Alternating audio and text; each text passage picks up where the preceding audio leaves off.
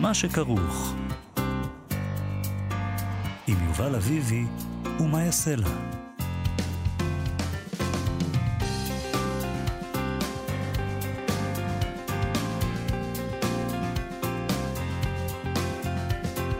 שלום, צהריים טובים, אנחנו מה שכרוך, מגזין הספרות היומי בכאן תרבות, מאיה סלע ויובל אביבי ב-104.9 ו-105.3 FM. אפשר למצוא אותנו גם ביישומון ובאתר של כאן, וכמובן ביישומוני ההסכתים. איתנו באולפן היום מפיקת התוכנית תמר בנימין ושרון לרנר שעל הביצוע הטכני. ושלום לך גם, יובל אביבי. שלום, מאיה סלע. אנחנו נדבר היום על uh, מתמטיקה. כן, נושא אהוב. נושא, סוף סוף נוכל לדבר על מה שמעניין אותנו באמת, מספרים, נוסחאות, מטריצות. אני לא כל כך סגור על מה המילה האחרונה אומרת. אני זוכר ש... אני חושב שהתעסקתי בזה בתואר ראשון. Mm-hmm. אני לא יודע. אני די בטוחה שאתה יודע בדיוק מה זה אומר. אבל בטוח שאני לא יודעת. אני לא יודע. אני זוכר שעושים דבר כזה, זה מספרים שכותבים... לא, אנחנו ברדיו, אז כשאתה עושה לי את הסימונים האלה עם היד, לא הם לא רואים. אה, רק לא. שתדע. לא זוכר מה עושים עם זה. אוקיי. אה, למה אנחנו נדבר היום על מתמטיקה? דוקטור גייל גלבוע פרידמן היא מרצה למתמטיקה והיא מחזירה אותנו לעולם הזה עם עלמה מאטר, ספר הפרוזה הראשון שלה, שעוסק במוות בחוג למתמטיקה. אני אפילו לא יודעת להגיד אם הוא באמת עוסק במוות בחוג למתמטיקה, הוא מתחיל במוות בחוג נכון. למתמטיקה. לא, זה יותר אבל... נכון לומר. אה, הוא עוסק... אולי המתמטיקה גם הורגת אותם, בסופו של דבר. הוא עוסק במשמעות החיים כשאתה... זהו, הוא עוסק במשמעות החיים. נקודה. תודה רבה לך. אנחנו נדבר איתה על האנשים המשונים האלה שמעדיפים מספרים במקום מילים, ומה גרם לה, כאחת מהם, לעבור צד ולכתוב ספר. מה, ולמה היא גונבת לנו את הטנדר? תישארו אתם המספרים, תשאירו לנו את המילים. מה זה פה? אני מאוד מאוד אוהבת את זה שהיא כתבה... ברור. גם, גם את, אהבתי את הספר, וגם אני מחבבת מתמטיקאים באיזשהו אופן. אולי כי אני לא מבינה כלום, אז זה נראה לי שפת סתרים כזאת. הם יותר חכמים מאיתנו. מתמטיקאים. אני לא יודעת אם הם יותר חכמים מאיתנו, במתמטיקה הם בטוח יותר... לא, הם לא. מבינים איזו שפה שאנחנו לא מבינים. את השפה של שפה. העולם, את השפה המופשטת של העולם שמסתתרת מאחורי הדברים, הם מבינים. גם משוררים טובים מבינים נכון, זה. נכון, נכון. אני חייבת לומר. אבל בדרך אחרת. אז אנחנו נדבר איתה, ונדבר גם עם תום בייקין אוחיון, שינחה השבוע כנס. שיעסוק במשבר הספרות הצעירה בישראל. הוא ינסה, אנחנו ננסה ביחד איתו, הוא ינסה בכנס, להבין איך קרה שבישראל הגיל שבו סופרים וסופרות מפרסמים את ספר הביקורים שלהם טיפס. מ-20-30, שזה הגיל שאתה חושב שזה אמור לקרות בו, ל-40 ואף למעלה מכך. נכון, אבל אנחנו נפתח עם הפינה שלנו ועיקרן תחילה, שבה אנו נותנים לספרות לפענח עבורנו ידיעות חדשותיות ולהאיר אה, אותן באור נוסף. אה, אה, היום, לפי ההחלטה של אה, ועדת השרים אה, אתמול לענייני שב"כ בראשות שר הדתות מתן כהנא, תוסר האבטחה היום מעל בני המשפחה של ראש הממשלה לשעבר ויו"ר האופוזיציה בנימין נתניהו. אה, אשתו שרה ובניו יאיר ואבנר. זאת אומרת, ממשיכים לאבטח את ראש האופוזיציה. ודאי. אבל מפסיקים לאבטח את רעייתו ושני בניו. נתניהו ביקש להאריך את תקופת האבטחה, כמו שאנחנו יודעים, הוא הזהיר מפני סכנה של ממש לשלומם לנוכח איומים שהם ממשיכים לספוג לדבריו. הכתובת על הקיר, מדובר בחיי אדם, הוא אמר. מה עוד צריך לקרות? מי ייקח את האחריות אם חס וחלילה יקרה להם משהו? אני קורא לוועדה, תרדו מהשיקולים הפוליטיים והאישיים ותעשו את הדבר הנכון, חזרו להחלטה המקורית, העניינית, המתבקשת. אל תפקירו את ביטחונם של אשתי וילדיי. זה מה שהוא אמר, נתניהו. נכון. זה מה שהוא אמר, אבל uh, כלי התקשורת השונים uh, דיווחו, עם זאת, שגורמי הביטחון, ובהם שב"כ, מוסד, משטרה, מל"ל, אמרו שאין מידע שמצריך את הארכת האבטחה. גם סמנכ"ל חירום ואבטחה שמקורב לבני הזוג נתניהו, שהם אלה שדחפו למינוי שלו, גם הסמנכ"ל הזה תמך בעמדה הזו. זאת אומרת, גם אנשיו שלו בסביבת נתניהו אה, הגיבו בחריפות להחלטה ואמרו כי זו החלטה פוליטית שערורייתית וחסרת אחריות שנתפרה מראש, מתירה את דמה של רעיית ראש הממשלה, לש... סליחה, רעיית ראש הממשלה לשעבר ובניו. אגב, זה תואר מאוד מעניין, רעיית ראש הממשלה לשעבר. לא ידעתי שקיים כזה, אבל יפה. אוקיי. אה, הם טוענים שהשנאה לנתניהו מעבירה אנשים על דעתם, עד כדי כך שהם מוכנים לסכן את חיי... חייהם של רעייתו ובניו. בלתי נתפס, כך הם אומרים. טוב, אז uh, אנחנו בפינה הזאת uh, מצמידים, uh, ש... מבקשים לראות מה יש לספרות להגיד על כל מיני סיטואציות. אז בהמשך לידיעה הזאת, uh, בחרנו לקרוא קטע מתוך ספר שנקרא "על החיים האלגנטיים" של בלזק. שיצא בהוצאת נהר, אה, נהר ספרים בשנת 2014, בתרגום מצרפתית של אביבה ברק הומי. אה, תראה, יובל, אתה יכול לראות, אבל אנחנו נספר את זה למאזינים. כל הספר מסומן אני אצלך. פשוט סימנתי את כל הספר, אז תעצור אותי כשזה כבר אה, אי אפשר יהיה... לעולם לא אעצור אותך. לא הייתי חולם לעשות דבר כזה. אז הוא כותב על שלוש קבוצות היצורים שכוננו את אורחות החיים המודרניים, האדם העובד, האדם החושב והאדם שאינו עושה מאומה. מכאן, שלושה נוסחי קיום שלמים למדי המבטאים את כל סוגי החיים, החל מהרומן הפיוטי והענב הנד של הצועני, ועד להיסטוריה החד-גונית והמרדימה של המלאכים החוקתיים. אלה שלושת סוגי החיים שיש. כן. אז אנחנו מתחילים בזה בהגדרה הזאת. אה, החיים העסוקים, חיי האומן והחיים האלגנטיים. אנחנו כמובן אה, מתעניינים אה, בחיים מתעניינים האלגנטיים. בחיים האלגנטיים, והוא כותב, אני מדלגת, הכל אני קוראת בדילוגים כמובן. הפקיד הבכיר, הבישוף, הגנרל, בעל הנכסים הגדול, השר, הוולה והנסיכים נמנים ממעמד חסרי המעש ומשתייכים לחיים האלגנטיים. שזה דבר רצוי כמובן, חיים אלגנטיים. ודאי, אני חולם על זה. אוקיי. מטרת החיים המתורבתים או הפראיים היא המנוחה. המנוחה המוחלטת יוצרת מראה שחורה. החיים האלגנטיים הם, במובן הרחב של המושג, אומנות המפיחה חיים במנוחה. כלומר, זו הדרך, אה, בסופו של דבר, להתגבר על המראה השחורה. אה, להיות, אה, להיות אלגנטי. להיות אלגנטי, כן? הגדרות. כן. החיים האלגנטיים הם שכלול של החיים החיצוניים ושל החיים החומריים. ושמא אומנות בזבוז הכנסותיך כאיש הרוח, או גם המדע המלמדנו לא לעשות מאומה כמו האחרים, ובתוך כך להיראות כעושים הכל כמותם. וטוב מזה אולי, פיתוח החן והטעם בכל מה ששייך לנו וסובב אותנו. או, באופן הגיוני יותר, לדעת לעורר כבוד לעצמך בזכות הונך. אתה רושם? אני רושם, אבל אני, אני חייב להגיד שאני הייתי, הייתי רוצה עצות יותר יישומיות ופרקטיות, כי נראה לי שיש... אתה קודם צריך הון בשביל זה, יובל. נראה לי שיש אנשים שמבינים את זה, הם נולדים לתוך המהות של החיים הדבר, זה האלגנטיים. בדיוק מה שהוא אומר כאן, אתה לא כן. יכול... אה, אה, אז אין מה לרשום. אז, אז בוא, אז תרשום את זה שנייה. אוקיי. אדם נעשה עשיר, כן. אבל נולד אלגנטי. איי, איי, איי, איי, אבוד פספסת. לי. אוקיי. אבל אה, לאחרים, חלקם מנהיגינו, לא אבוד. בלזק הצליחו. כותב ככה: לאחר מאמצים רבים, לאחר הערות רבות שנדונו בשום שכל, כתבנו את האמיתות הבאות. צריך להגיע לפחות עד לתורת הנאום כדי לנהל חיים אלגנטיים. מחוץ לחיים האלגנטיים נמצאים הקמעונאים, אנשי העסקים והמורים למדעי הרוח. אנחנו, אני, אנחנו הכי קרובים למורים למדעי הרוח בקטגוריזציה הזאת, לא? נכון. אני ממשיכה. בבקשה. הקמצן הוא שלילה. אני ממשיכה. בנקאי המגיע לגיל 40 בלי להגיש את המאזן שלו, שיש לו היקף בין יותר מ-36 טפחות, הוא המנודה של החיים האלגנטיים. הוא יראה את גן העדן שלהם, אך אליו לא ייכנס. אדם שאינו מגיע לעיתים קרובות לפריז, לעולם לא יהיה אלגנטי לגמרי. איי, איי, איי. אדם לא מנומס הוא המצורע של העולם האופנתי. ואני יכולה להמשיך? כן, עוד אוקיי. קצת. בבקשה, אנא. הטוב יש לו אופן פעולה אחד ויחיד, לרוע יש אלפים. וכך, לחיים האלגנטיים יש חטאים משלהם ושלוש מידות טובות עיקריות. כן, האלגנטיות, האלגנטיות היא אחת ובלתי ניתנת לחלוקה, כמו השילוש הקדוש, כמו החירות, כמו טוהר המידות, מכאן נובעות האמיתות הכלליות החשובות מכולן. עיקר היסוד של האלגנטיות הוא האחדות. אחדות אינה אפשרית ללא ניקיון, ללא הרמוניה וללא פשטות יחסית. יש עוד קטע אחד מסומן, נכון? נכון. בואי נקרא גם אותו. אני. אני, אני לא, אה, צריך להגיד למאזינים, אני לא ידעתי מה תבחרי היום, רק ידענו שאנחנו מדברים על הספר הזה, ולא ידעתי מה את בוחרת. אז בשבילי, זה... אני מאוד מאוד מחכה לראות מה הקטע האחרון שבחרת. את רוחה של בעלת בית מכירים מרגע שחוצים את סף ביתה.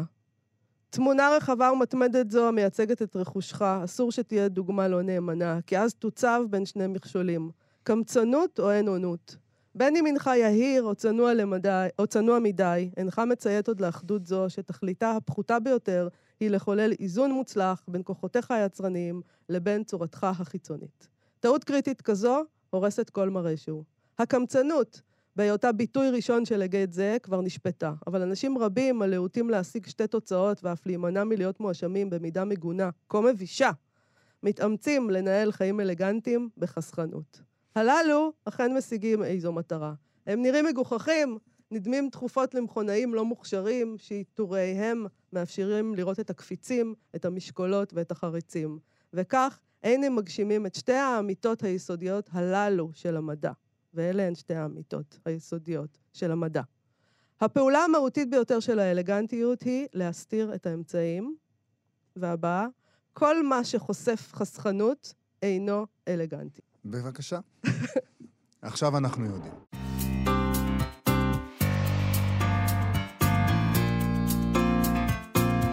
אנחנו נדבר עכשיו על מתמטיקה, שזה, אני, אני מודה, לא בגאווה גדולה, הנושא שתמיד היה שנוא עליי, בתיכון, בחטיבה, ביסודי, ואם, וגם בגן הילדים, אם היה שם מתמטיקה, אה, אבל, אבל, אנחנו, אבל אני יודעת להכיר בזה שמדובר בשפה אה, שאני פשוט לא מבינה. ואפילו להצטער על זה. הספר עלמה מאטר של דוקטור גאל גלבוע פרידמן יצא עכשיו בהוצאת מטר, והוא עוסק באנשים המשונים האלה, שמבינים את העולם אה, בצורה הזאת, המופשטת של מספרים. אה, זה ספר שמתרחש במסדרונות האקדמיה למתמטיקה אה, בטכניון, אה, ואני רוצה לקרוא את הפתיח שלו, כי אני מודה שכשקראת, אני תמיד קוראת שתי פסקאות ראשונות, ואז אני רואה מה, מה אני חושבת כבר. מגבשת את עמדתי, כן. ופה אמרתי, הופה, אהבתי את זה מאוד. בבקשה. שים לב, אני נזכר בזה בכל יום. המוח של המרצה שלי למתמטיקה מפוזר על הקרקע. נתחים של מצח וקרעים של אור. קרקפת בהירה ושערות ופיסות בשר מקיפים את הגופה. הידיים מוטלות בתוך שלולית של דם. הגופה הייתה שרועה ליד הכניסה של בניין המדו, הבניין של בית הספר למתמטיקה. פגר בלב הטכניון. איך אפשר שלא להמשיך אחרי זה, נכון? אנחנו המשכנו. אוקיי, נכון. אז דוקטור אה, גאל גלבוע פרידמן היא מתמטיקאית, כמובן, היא חברת סגל וחוקרת באוניברסיטת רייכמן, היא מרצה על מתמטיקה ומחשבים, זה ספר הפרוזה הראשון שלה. קדמו לו שני ספרי ילדים, וספר שהיא חיברה עם דוקטור חיים שפירא. שלום לדוקטור גאל גלבוע פרידמן. שלום, צהריים טובים. צהריים טובים לך. אז, אז למה בכלל החלטת לכתוב פרוזה? כאילו, אנחנו מחלקים את העולם, אנחנו אנשים כאלה מאוד מאוד אה, מיושנים, או שאתה סופר, או שאתה מתמטיקאי, מה הקשר? איך זה בא, הדבר הזה? למה רצית לכתוב על מתמטיקאים? אז קודם כל אני מבינה את הפליאה ואת עצם השאלה. אמ, אני אישית כותבת מאז שאני זוכרת את עצמי, אז אני לא רואה את הסתירה בין אה, עיסוק במספרים לבין עיסוק במילים. אמ, אבל אמ, אני יכולה להבין מאיפה השאלה נובעת. את, את לא... חושבת שמתמטיקאים, לפחות עולה גם מן הספר הזה, שמתמטיקאים הם אנשים, אה, בואי נגיד בעדינות, די משונים. יש בהם מן המשונות. אמ, עצם הבחירה לעסוק במקצוע שהוא אה, פתירה של בעיות סבוכות, אה, פתירה ממושכת, זה מעיד על האישיות של מי שבוחר בכך. אני את מודה. אני מודה. לא, אבל אה, הגיבור של הספר בעצמו כמעט, אה, כמעט מקנא במשונות של התלמידים שמקיפים אותו, כי הוא מרגיש לא משונה מספיק, ובגלל זה נגזר מזה חוסר היכולת שלו להתמודד עם המתמטיקה. כאילו, כדי להיות גאון כאילו במתמטיקה... כאילו, אתה גאון, אז אתה משונה. אז אתה חייב להיות משונה, ואם אתה נכון. לא משונה, סימן שאתה לא מתאים לחוג. נכון. אה, יש בו את הרצון להיות זאביק, שהוא הגאון של המסלול, והוא היה עושה הכל כדי להתחלף איתו. אה, והמוזרות היא חלק מהאפיון שהוא מוצא אצל חבריו לכיתה. אה, יש אפילו מקום שבו מיכל, בת הזוג שלו, שואלת אותו, למה אתה אוהב מתמטיקה? אז הוא אומר, אני רוצה את ההתנתקות הטוטלית מהחושים ואת הבידוד. אה, ולא כל אחד אוהב את זה. ומישהו שאוהב את זה, זה מעיד עליו. אה, אבל זה לא רק זה, הגיבורים שלך, נדמה לי שרובם, במיוחד הגיבור הדובר שהוא סטודנט אה, לתואר ראשון, רוב הספר הוא סטודנט לתואר, לא רוב, חלק ניכר מהספר הוא סטודנט לתואר ראשון, הוא רואה את העולם דרך המתמטיקה. כשהוא מדבר, הוא מדבר על משולשים, אבל הוא לא מדבר על... הוא מדבר על משולש, כן? משולש אנושי שקיים כן. בספר, אבל כשהוא מדבר על המשולש, זה לא כמו שאני אגיד, אוקיי, הנה משולש רומנטי, הנה משולש, הנה השילוש הקדוש, זהו, בזאת זה מסתכם, אני מדבר על שלושה, זהו. אלא אצלו נראה שזה מדובר על הרבה יותר מזה. מדברים על מטריצות, מדברים על גרפים, מדברים על הכל כאיזושהי אופציה לפענח את העולם. כן, אמ, המתמטיקה נותנת את הטון של המחשבה שלו. זאת אומרת, אה, ככל שאתה יותר שעות עוסק בצורת חשיבה מדויקת וקצרנית, זה מערער אותך. ואז גם כשאתה פוגש את הסביבה, יכול להיות, זה לא הכרחי, אבל יכול להיות שזה הופך אותך לאדם אחר, לאדם גם פחות נחמד, כי אתה דורש את זה מהאחרים, שהם ידברו אה, לעניין. אם אנחנו רוצים לקשר את זה לספרות, אז ספרות בנויה על מטאפורות, על חזרתיות, תיאוטולוגיות, תיאורים שהם כמעט ההפך מהגישה המתמטית שאומרת בואו נגיד כמה שיותר בכמה שפחות. ויש ו... פה שם, יש שם קצת לעג לחבר'ה במדעי הרוח, שלא לא צריכים להוכיח כל דבר שהם אומרים, כאילו. שהם יכולים, שני אנשים... יכולים להגיד מה שהם רוצים. ויכולים לשניים להתווכח ובסוף להגיד, טוב, שנינו נכון, צודקים. נכון. וזה יהיה נכון, מה זה השטויות האלה? ובמתמטיקה זה לא, זה אין שנינו צודקים, אין דבר כזה. מה המתמטיקאים מבינים על העולם שאנחנו, האנשים הרגילים, לא מבינים? או, שאלה מעניינת. אה, יש איזו שאיפה לקטלג דברים לנכון ולא נכון, כשאתה מתמטיקאי. אין אה, אמצע. הכל שחור או לבן, אה, אה, אה, נכון, לא נכון, טוב או רע, ובין השאר, כשאתה עובד לקראת מטרה, היא יכולה או להצליח או לא, לפי ההגדרה שנתנו. שזה הפוך למה שאנחנו נוהגים לומר בצורה יותר רכה לאנשים, העיקר הדרך, העיקר שהשתדלת. אנחנו רואים שיש לך יכולת, רק הפעם אה, אה, לא ראית את הפריט, תלמד לחזק מהכישלון, דברים ש... שהם חיובים אנושיים. אז במובן הזה המתמטיקה מורידה את כל האנושיות שלנו ואומרת, בואו נראה את התוצאה, ולא מעניין ההליך ה... הקלוריות ששרפת בדרך, בטח לא מנטלית ובטח לא רגשית, וזה דבר שלא לא מובן אם אתה לא זוכה לראות גם את האסתטיקה ואת היופי של המתמטיקה. אתה... זהו, העניין הוא, העניין הוא גם היכולת לראות, העולם הזה נדמה לנו שהוא קונקרטי. ואנחנו מסתכלים עליו בעיניים של הדיוטות מבחינת המתמטיקה, ואנחנו אומרים, אה, אוקיי, הנה הדברים. אבל הוא מאוד מופשט. ונדמה לי שמתמטיקאים וגם פיזיקאים אה, רואים את האמת המופשטת שמאחורי הדברים שאנחנו פשוט חווים אותם כקונקרטיים וכמעשיים. וזה מאוד מערער, כי בעצם, לכאורה אתם רוצים ללכת למקום של הנכון ולא נכון, אבל בעצם הכל נורא נורא מופשט. להבין, גם את מתארת את זה בספר, את הרגעים האלה, שפתאום יש הערה, ופתאום אתה מבין איזה מין משהו שהוא, אני לא יודע איך לתאר אותו, מין משהו חמקמק כזה וזוהר, ואסור לדבר איתך ברגע הזה, כי, זה, כי, זה, כי אתה מחזיק בזנב של זה ואסור לך לשחרר. וזה שני קצוות מאוד מאוד חדים, מה שנכון ולא נכון לעומת המופשטות הזאת.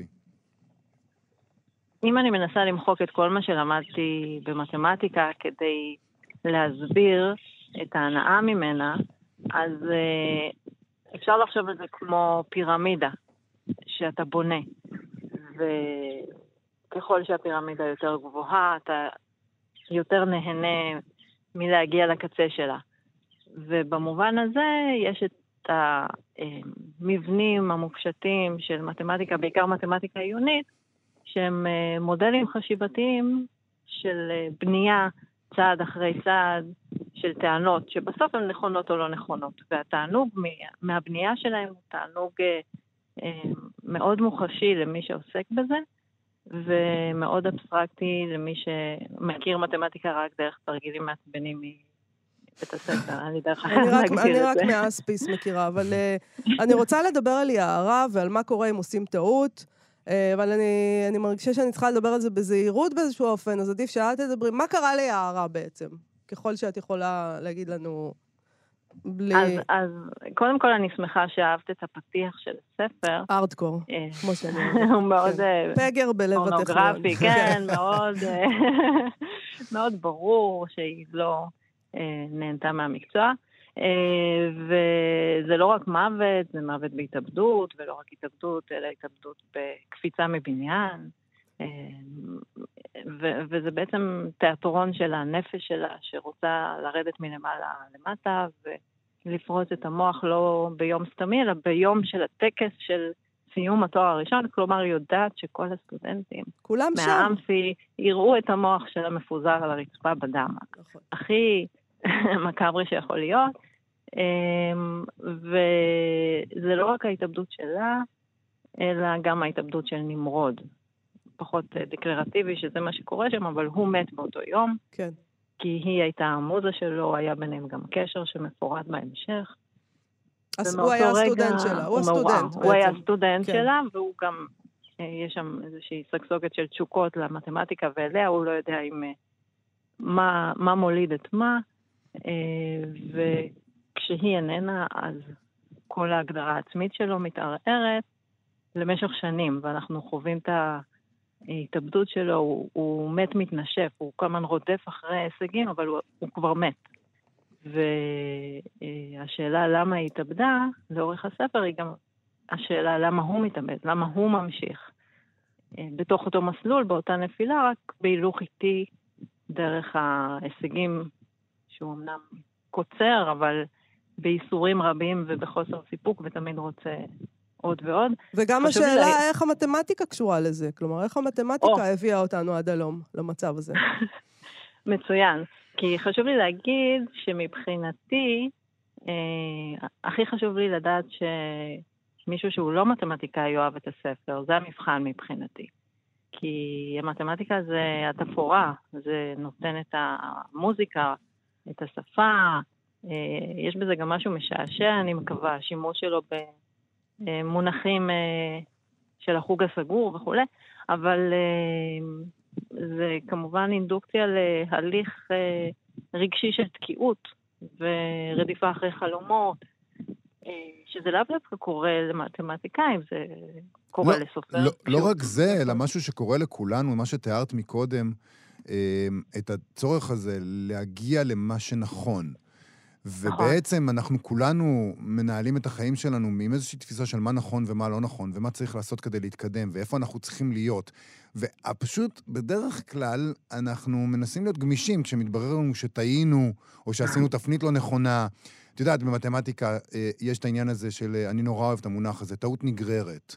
אתה עושה, אתה עושה איזה טעות בפ- בשורה הראשונה של ההוכחה, וזהו, זה אבוד, אחר כך זה הולך ומסתבך, וזה נהיה משהו מונומנטלי. עכשיו, בגיל, לא יודע מה, אה, 21 החלטת שאתה הולך ללמוד ספרות, וזה טעות נגררת. אה, מאז הכל השתבש, ו- ו- וכל החיים שלך נצבעו ב... או בחירה של בן זוג, או הרבה בדיוק. בחירות שאנחנו עושים, זה יכול להיות טעות נגררת, כן. עכשיו, אנחנו חיים עם זה בשלום, כי הכל נורא נורא גמיש אצלנו, אבל אולי אצל הגיבורים שלך, שהם מתמטיקאים והם שואפים לנכון המוחלט והמובהק, כשמתגלה הטעות בחיים, בפרשנות של המציאות, במתמטיקה, בכל מה שהם עוסקים בו, שהוא אולי בעצם אחד, זה מה קורה לנו. זה בעצם מקרה קיצון של מה שקורה לנו כשאנחנו מגלים, מגלים שעשינו טעות.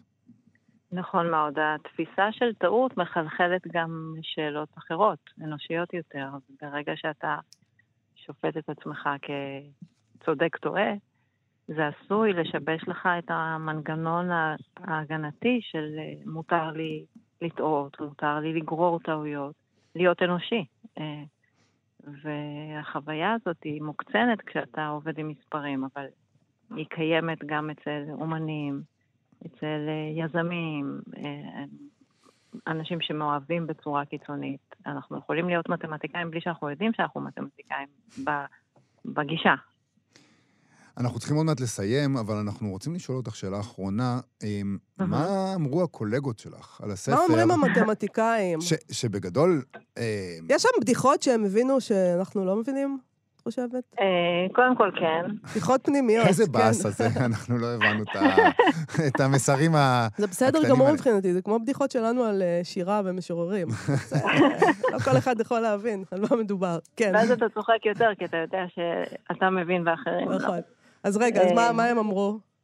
אמרו לי שאני אמיצה, אמ, שאלו איך אני מוצאת אה, זמן בכלל. אה, מי שלמד בטכניון אמר שזאת נוסטלגיה. אני אגיד אה, משהו חשוף, אה, משהו שעוד לא אמרו לי ואני מקווה שלא יגידו לי, אבל מה פחדתי שיגידו לי כשהספר יצא זה, שישאלו אותי מי את בכלל שאת תכתבי על מתמטיקה, כן. או דברים מהסוג הזה. כי יש אומרת, הרבה היררכיה שם, גם זה יש בספר. נכון, זאת אומרת, איזושהי חוויה של הגיבור כנראה חלחלה גם אליי, שיבואו ויגידו, אבל את לא מתמטיקאית אמיתית, אז איך כתבת ספר על מתמטיקה? דברים מהסוג הזה עוד לא שמעתי, ובעיקר אה, סקרנות כלפי הספר והזדהות, ו... אה, הזדהות, את הרי... את- זה יכול את- גם את- להלחיץ אותם. כן, מה, את הורגת את- אותם. את אה, הורגת את הקולגות. חס וחלילה, חס וחלילה, כולם מתגברים על זה, אני חושבת, איכשהו כל אחד מוצא דרך. הם לא התגברו, לקפוץ הם זה לא. אני, זה לא הסיפור שלי, אני במקום אחר. כן, אני, אני פותר תרגילים נכון ומרוצה. דוקטור גאל גלבוע פרידמן, אה, עלמה מאטר זה הספר, הוצאת מטר, תודה רבה לך על השיחה הזאת. תודה לכם. להתראות. ביי ביי.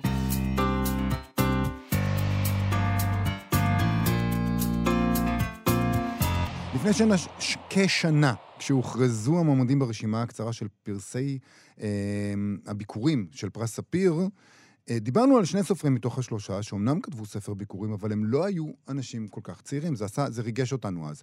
אה, כרמית סחר ודורי פינטו. אה, גם השנה, ברשימה הקצרה של פרס ספיר לספרי ביקורים, יש את רומית סמסון, שהיא בת 60, אסף גורדון, הוא בן 43, אסף קוגלר, הוא בן 41. איך קרה שבישראל, הגיל שבו סופרים וסופרות מוציאים את ספרי הביקורים שלהם, מטפס מעלה-מעלה. אנחנו היינו מדמיינים שאנשים יתחילו לכתוב בגיל 20, 30, זה הגיל שבו הם מפרסמים אה, ספרי ביכורים. וזו השאלה שעומדת בבסיס אה, כנס שיעסוק במשבר הספרות הצעירה בישראל. השתתפו בו בין השאר שירה חפר מלוקוס, אוריאל קון מתשע נשמות, אביגיל קנטורוביץ' מתמיר. ינחה את האירוע הזה תום בייקין אוחיון, שהוא סופר, מפיק אירועי תרבות, מחבר סדרת הספרים וההסכת אגדות אמיתיות, ומו"ל הוצאת פנק. שלום, תום בייקין אוחיון. שלום רב, תודה שהזמנתם אותי. תגיד, אני רוצה לשאול האם זה באמת כך, או שזה רק נדמה לנו? יש עדויות קשיחות על עלייה בגיל פרסום יצירת ביקורים, או שזה משהו שאנחנו כולנו מרגישים, אבל אה, לא באמת אה, מוכיחים אותו מספרית? מה, אתה מתמטיקאי? אה, עכשיו? דיברנו על מתמטיקה, כן, אני רוצה, אה, אני רוצה לעבור. אוקיי, תוכיח. אז קודם כל, באמת, הפרס ספיר ביקורים זה מדד מאוד טוב שאפשר להשתמש בו, נכון. אבל באמת אני ביקשתי מההוצאות שיביאו לי סופרים צעירים שהם הוציאו אה, בעשור, השניים האחרונים, והרשימה הייתה קטנה מאוד, וגם צעיר זה 37. חשוב להגיד שאין לי שום בעיה עם זה שצעיר. כן, אנחנו לא בקטע של אה, 40. גילנות פה, זה לא הסיפור שלנו. גילנות, כמה מידידינו הטובים, כולל אנחנו עצמנו, לא צעירים, אבל אני רוצה לומר, אה, אני רוצה לומר לך שיכול להיות, נגיד אם אני חושבת על פרס ספיר כעדות, אז יכול להיות שמדובר כאן ב... נגיד ששלחו להם כמה מאות ספרים, ביקורים, אה, כן, והם לא ומי בחרו את הצעירים. למה? כי צעיר. בדיוק, כי צעיר זה משהו שהוא אה, בוסר, אולי הוא קצת נועז, אולי הוא קצת ניסיוני, אולי זה מעיד על הפרס הזה. יותר מכל דבר אחר, שהם מחפשים. את מה שכבר בשל. יכול להיות, אבל זאת באמת נקודה חשובה. העניין זה שספרות צעירה היא נועזת, היא ניסיונית, היא אקספרימנטלית. אם אנחנו מסתכלים על קבוצות ספרות, אז uh, הרומנטיקה האנגלית התחילה מאנשים בני 23, הסימבוליזם הצרפתי, 27 היה המבוגר בחבורה, הריאליזם הרוסי, 19. הם כולם יוצרים צעירים. Uh, ורק אצלנו יוצרים צעירים uh, כותבים רומן בגיל 45. נכון. תגיד, אני רוצה לשאול אותך, בכנס משתתפים בעיקר אה, מו"לים ואורחים ואורחות בהוצאות יחסית קטנות. חלקן ממעטות בכלל להוציא ספרות מקור. אה, כך שאולי בעצם צריך לשאול את כל ההוצאות הגדולות, שהן אלה שצריכות לסחוב, הם הקטר שסוחב את כל התנועה הזאת קדימה, הן אלה שיש להם את הכוח ואת ה, את הכסף להשקיע בסופר ביקורים בן 20 ולטפח אותו 20 שנה עד שהוא כותב אחרי שמונה ספרים את הרומן הגדול שלו בגיל 40. אז אה, אני בהחלט מסכים איתך שזה צריך להיות עבודה של הוצאות גדולות. גם להם יש את המשאבים להמר, במרכאות, על סופר צעיר, על ספרות בוסר, אה, ו- ולא ללכת על בטוח, מה ההוצאות הקטנות עם המשאבים המוקצבים שלהם לא באמת יכולים להרשות לעצמם לפרוס רשת רחבה כזאת. אבל אמ, אני פניתי, להמון, פניתי להמון הוצאות בניסיון להקים את הכנס הזה, אני עובד עליו כבר מספר אה, זמן, ולרוב ההוצאות היו דברים חשובים יותר מאשר לדבר על עתיד הספרות בישראל. הם לא עוסקים בספרות, מה כן, אתה? מה, אתה עכשיו בא להטריד אותם עם... אה, אה, אבל אני בהחלט רציתי שיהיה נציגים מההוצאות הגדולות. כשדיברתי בהתחלה עם אביגיל קנטרוביץ', זה היה בגלל שהיא מכתר מודן. מאז היא כבר עברה בדיוק מסיב, מסיבות שנדבר עליהן אה, להוצאת תמיר, אבל אנחנו כן מביאים את אה, נועה סביזון המורג, שהיא פחות או יותר המחליפה שלה בכתר מודן, והיא בעצמה סופרת צעירה. אז מה תדברו בכנס? מה בעצם אתם רוצים להגיד? מה, מה, מה, את, מה המסקנות שלהם אתם רוצים להגיע? האם יש משהו אופרטיבי שאתם רוצים לעשות? אז זהו, אני לא מגיע, אני לא מגיע לכנס הזה עם איזה אג'נדה של אה, לצעוק, לצעוק או משהו כזה. אני רוצה באמת לאסוף אנשי ספרות, יוצרים ומו"לים כדי לדון בזה ברצינות. אה, שמענו המון טיעונים על למה זה קיים ככה. שמענו שאת הטיעון הישן שהולך ופוחת הדור, שזה אגב מדהים, שלא משנה כמה פרסומים על הטרדות מיניות מהתקופה ההיא, עדיין אנחנו מדמיינים איזה דור נפילים נפלא כזה שהיה פעם.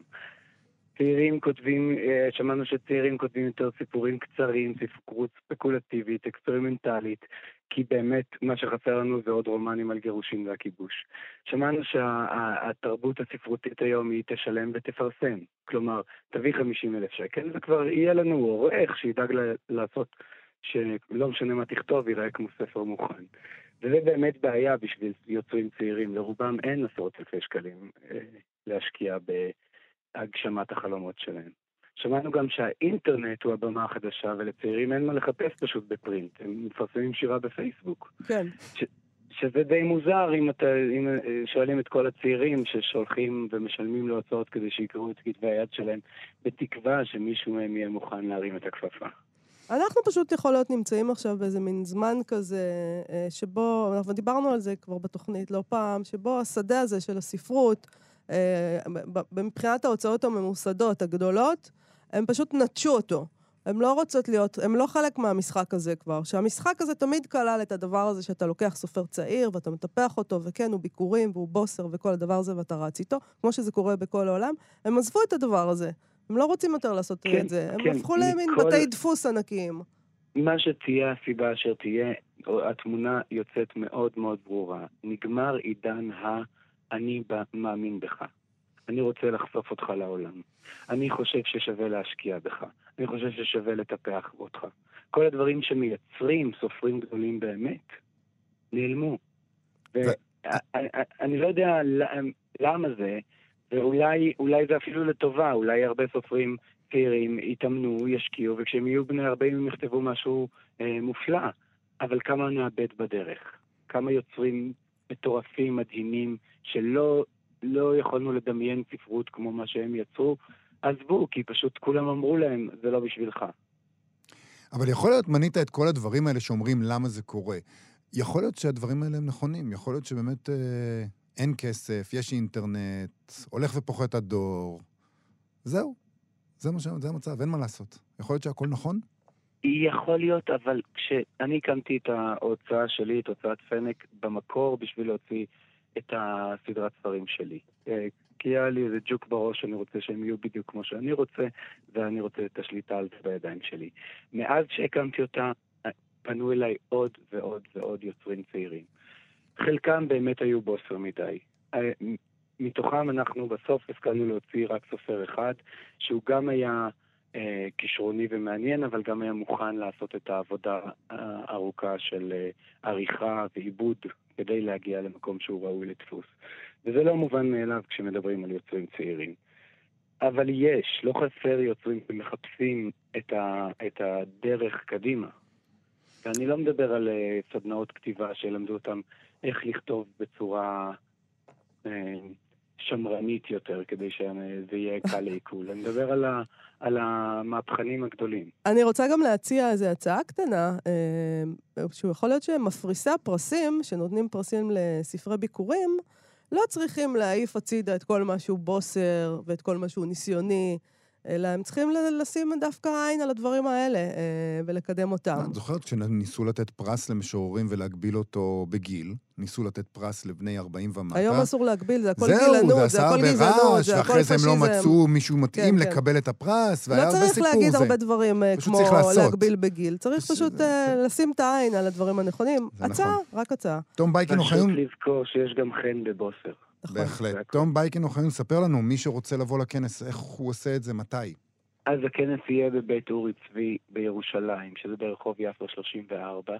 אה, ואני גם רוצה לנצל את ההזדמנות הזאת כדי להגיד תודה לבית אורי צבי, זה ממש לא מובן מאליו שנותנים במה לדיון ספרותי עמוק ורציני במקום איזה אירוע של שיווק, שיווק, שיווק. וגם לשותף שלי יואל בוטביניק שעוזר לי בהפקה של הדבר הזה.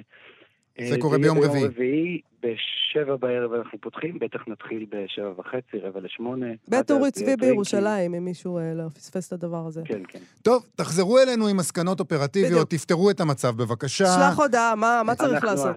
כנס משבר הספרות הצעירה בישראל, תום בייקין אוחיון, תודה רבה לך על השיחה הזאת. תודה רבה לכם.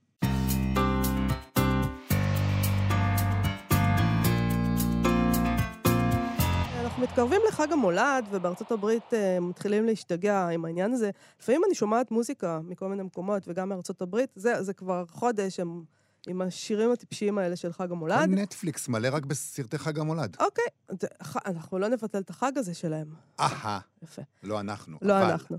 באתר ליטררי האב מדווחים שעכשיו אפשר לבלות חופשה נעימה במערה של הגרינץ', מהספר המפורסם של דוקטור סוס, שגם הפך לסרט לפני כמה שנים. מדובר בטרנד, אה, יש שיגידו שהוא מטופש, אה, ויש שיגידו שהוא מלהיב אותם, בסדר גמור, שבו מעצבים חדרי אירוח לפי ספרים וסרטים. אז כבר יש כאלה חדרים, נגיד, לפי הארי פוטר, אולי הם ישנים שם בארון. אה, עכשיו יש את המערה של הגרינץ'. נכון. אז הגרינץ', למי שלא זוכר, הוא יצור מתועב ומלא שנאה שמעוניין להרוס לכולם את חג המולד בגלל טראומות ילדות שלו שנוגעות לחג. הוא מתגנב לכפר שהוא גר אה, לידו בערב חג המולד וגונב כל דבר קשור לחג כדי להרוס להם. קישוטים, מתנות ודברים כאלה, אבל זה לא עובד לו כמובן, והכל סוף הוא טוב. נקרא קצת מהספר. אה, זה ספר, אה, הספר יצא בהוצאת כתר, בתרגומה של לאה נאור הנהדרת, ואנחנו קוראים מתוך שני עמודים די נדירים, שבהם אשכרה רואים את המערה שלו בספר, וזה הולך ככה. הגרינץ', שגר על ההר מצפון לכפר, לא אהב את החג. הוא שנא את החג, את החורף בכלל. מה הסיבה? לא כדאי שתשאל. ייתכן שראשו היה קצת מסובב, או אולי נעליו לחצו על רגליו, אך נדמה לי שהדברים ברורים. הלב שלו קטן עליו בשני מספרים. הסיבה אינה חשובה במיוחד. הוא שנא את כפרמי בערב חג המולד. מן ההר הוא שלח אל הכפר המואר מבט גרינצ'י, חמוץ וכועס ואכזר, כי ידע שכל מי עסוק שם עכשיו בתליית מתנות לכל מי שאהב. הם תולים שם גרביים בלעג רטן. מחר, חג המולד, החג כמעט כאן. באצבע גרינצ'י תופף על קיר במערה, אני מוכרח לעצור את החג הנורא. טוב, יצא שאנחנו הגרינצ'ים אה, בעצם בסיפור הזה. פלא, אה, לא, הפתעה. מתי לא היינו הגרינצ'ים? אז במערה שבה הוא גר אפשר עכשיו לבלות דווקא חופשה נעימה, אה, למי שזה משום מה נעים לו. אה, אם כי בספר מתואר הזמן ש, שבו הוא מבלה במערה כבלתי נעים כמובן, בעליל, כולל אה, בעיקר התבשלות עצמית ביגון ובשנאה שלו. המערה הזו הוקמה ליד בולדר, יוטה, היא נפתחה בשלושה בדצמבר, כמובן הוזמנה מראש באופן מלא, כלומר, אי אפשר להגיע אליה כרגע, אה, אפשר לעשות סיור וירטואלי, אה, או, או להזמין לשנה הבאה. ואנחנו כמובן עשינו את הסיור הווירטואלי הזה. פנים המערה לא מתואר רבות בציורי הספר, למעשה יש בעצם רק ציור אחד לדעתי אה, שמופיע בו, אה, בפני, אה, ממש רואים את פנים המערה, אבל מעצבי הפנים עשו עבודה דוקטור סוסית נאה, וכל החדר באמת נראה כאילו צויר על ידי המחבר בעצמו, עם הקווים העגולים האלה והדמיון הפרוע שאפיין את ציוריו. לפי התמונות שאנחנו רואים, משם השלט שמברך את הבאים מציע להם, תהנו מהשהייה, או שלא, במיטה מציינים במכתב לבאים בשערי המערה הזאת, יש צד רע, ויש צד השני, שהוא גם כן רע, ובלב החדר ניצב עוגב ענק עם צינורות מעוקלים, ויש בו גם ספרייה גדולה, ומכונת הקפה, כך הם אומרים, מכינה את הקפה הגרוע, הטוב בעולם. שזה, ככה מכינים קפה באמריקה פשוט. קפה גרוע. זה לא קשור אני לא לגרינץ'. שתיתי שם בחיים קפה טוב זה לא. קשור לגרינץ' שהוא אוהב קפה גרוע, אז זה פשוט אה, משהו אמריקאי. טוב, אה, מאיה, הייתי שנה שם לילה? לא. לא? לא חושבת, לא. זה מערה. אני לא אוהבת מערות, למרות שלאחרונה ראיתי איזה סרט על אה, חוקר מערות אה, באיטליה, כן. וזה עשה לי חשק לשוטט אחריו כן. במערות. המערה הזו די מפנקת, בואי נגיד. הפתח נראה כמו פתח של מערה, אבל אבל בעצם אתה אומר בפנים כאילו... לעצמך, מה... זה חדר מלון, בגדול. מה הדבר הזה של אה, לבלות בח- בלילה אצל גיבור אה, איזשהו ספר שאתה אוהב? כן. זה זה- הסיפור זהו, פה. יש עכשיו מלא האם, כאלה. איפה היית רוצה לבלות? כאילו, עם איזה גיבור? אז עם... תשמעי, נגיד אתה, כן, לך אז- לבלות בדירה של אה, קרל אובה קנאוסגורד. לא, לא רוצה, לא. רוצה, לא למה? רוצה. כי אני אגיד לך, אמ, העניין הוא שחשבתי על זה. אה, קראתי את אה, ספריו אה, של קרל אובה קנאוסגורד, ושם הוא מתאר לא פעם את מה שמתחולל בתוך דירתו. ואת הזוגיות, שכולנו מתקשים בה לפעמים, ולגדל את הילדים, והתחבטויות המקצוע, ווואלה, כאילו, את יודעת, יש לי משלי, אני בסדר. אתה אומר, למה שאני אלך לשם? אני מכיר את אני זה יכול כבר. ללכת הביתה, הכל אוקיי, בסדר. אוקיי, אוקיי. אה, לא, לא רע לי, טוב לי, זה פשוט נורא נורא מוכר. אז אם תנסה לחשוב אבל זה. נכון, זה ללכת אה, לגור בקרל אובק נאוסגורד, זה כמו לחזור הביתה. זה גבר, כן. לבן אה, עם בעיות קיומיות, וואלה, שלום, נעים להכיר. אני... אז כן. איפה, איפה אתה חושב שאתה... לא יודע, קראתי עכשיו מה, ש... ללכת לאיזה דירה של איזה גיבור של וולבק, למשל? וואי, זה אסון הדברים שאת אני- מציעה. יש סיבה שהחדרים האלה בדרך כלל זה מעולם הפנטזיה אה, אוקיי. והציור. כי נגיד, אה, קראתי אה, גם שיש עכשיו משר הטבעות, אתה יכול לישון אה, בבית של ההוביט ודברים כאלה, אז אני מניח שמי שמאוד אה, מעוניין בדברים האלה, זה, אה, זה טוב בשבילו, למרות שאני כנראה אתקע בתקרה כל הזמן, וזה יהיה לי לא נעים, כי זה אמור להיות נמוך, נכון? אתה חושב שאתה גבוה? זה אתה רוצה לומר שאתה גבוה יותר בעצם? מהוביט. אוקיי, אני לא חושבת שאני אסתדר. שם טוב עם הגובה שלי. איפה הייתי יכולה שנה? ללכת. את רוצה משהו? מה, הנרי מילר? מה... אה, אני מוכנה לישון איתו בחדר במלון ללילה אחד, הייתי בודקת את זה. כן? כן, לילה אחד.